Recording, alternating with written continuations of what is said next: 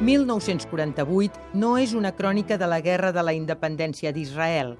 Són records d'un home de 82 anys que llavors només en tenia 17 i pertanyia a una família molt involucrada en la vida cultural de Tel Aviv.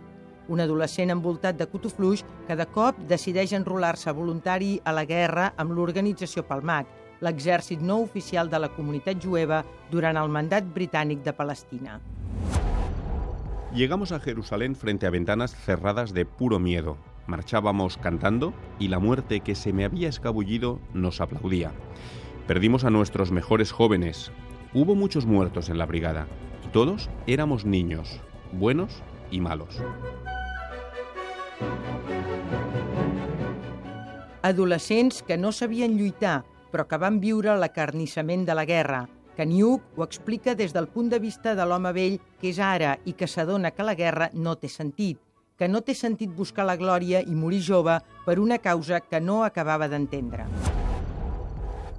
Había que ser un completo idiota y más que eso, para caminar por campos minados y creer que lo hacía por la nación, a la que nunca conocí personalmente. Cuando llegamos a donde fuera que llegamos, se acercó a mí el comandante, no recuerdo quién era, pero sí recuerdo que cayó poco tiempo después, y dijo que me había portado bien, y me dio un cigarro redondo. Esos eran los mejores.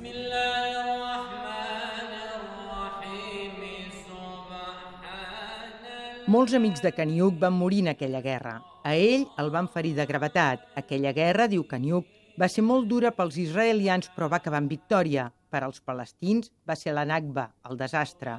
L'escriptor explica que va veure sense reaccionar com el seu exèrcit n'expulsava centenars de casa seva. Barris sencers de ciutats com Ramallah van quedar buits. Asnos perdidos rebuznaban por las calles desiertas. Un camello rumiaba lentamente sin comprender dónde se habían metido sus amos. Palmeras, chumberas y olor a comida quemada. En las casas se veían mesas dispuestas para comer. Había comida reseca en los platos.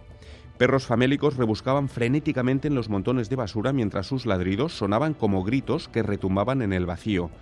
Una gran escoba había pasado por la ciudad y lo había barrido todo.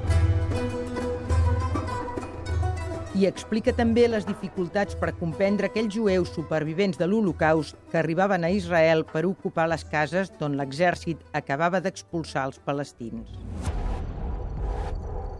El aspecto de los judíos que ocuparon las casas era terrorífico, pero también estaba ungido con una especie de belleza humana que hacía difícil juzgarlos. La última vez que alguno de ellos había tenido una casa o un piso propio había sido en los años 30. El vell Kaniuk, de més de 80 anys, s'adona ara de l'error que va cometre quan encara adolescent estava convençut que la guerra s'havia acabat. Pensava que finalment els àrabs havien firmat la pau amb nosaltres i nosaltres amb ells, diu. Jo vivia als núvols.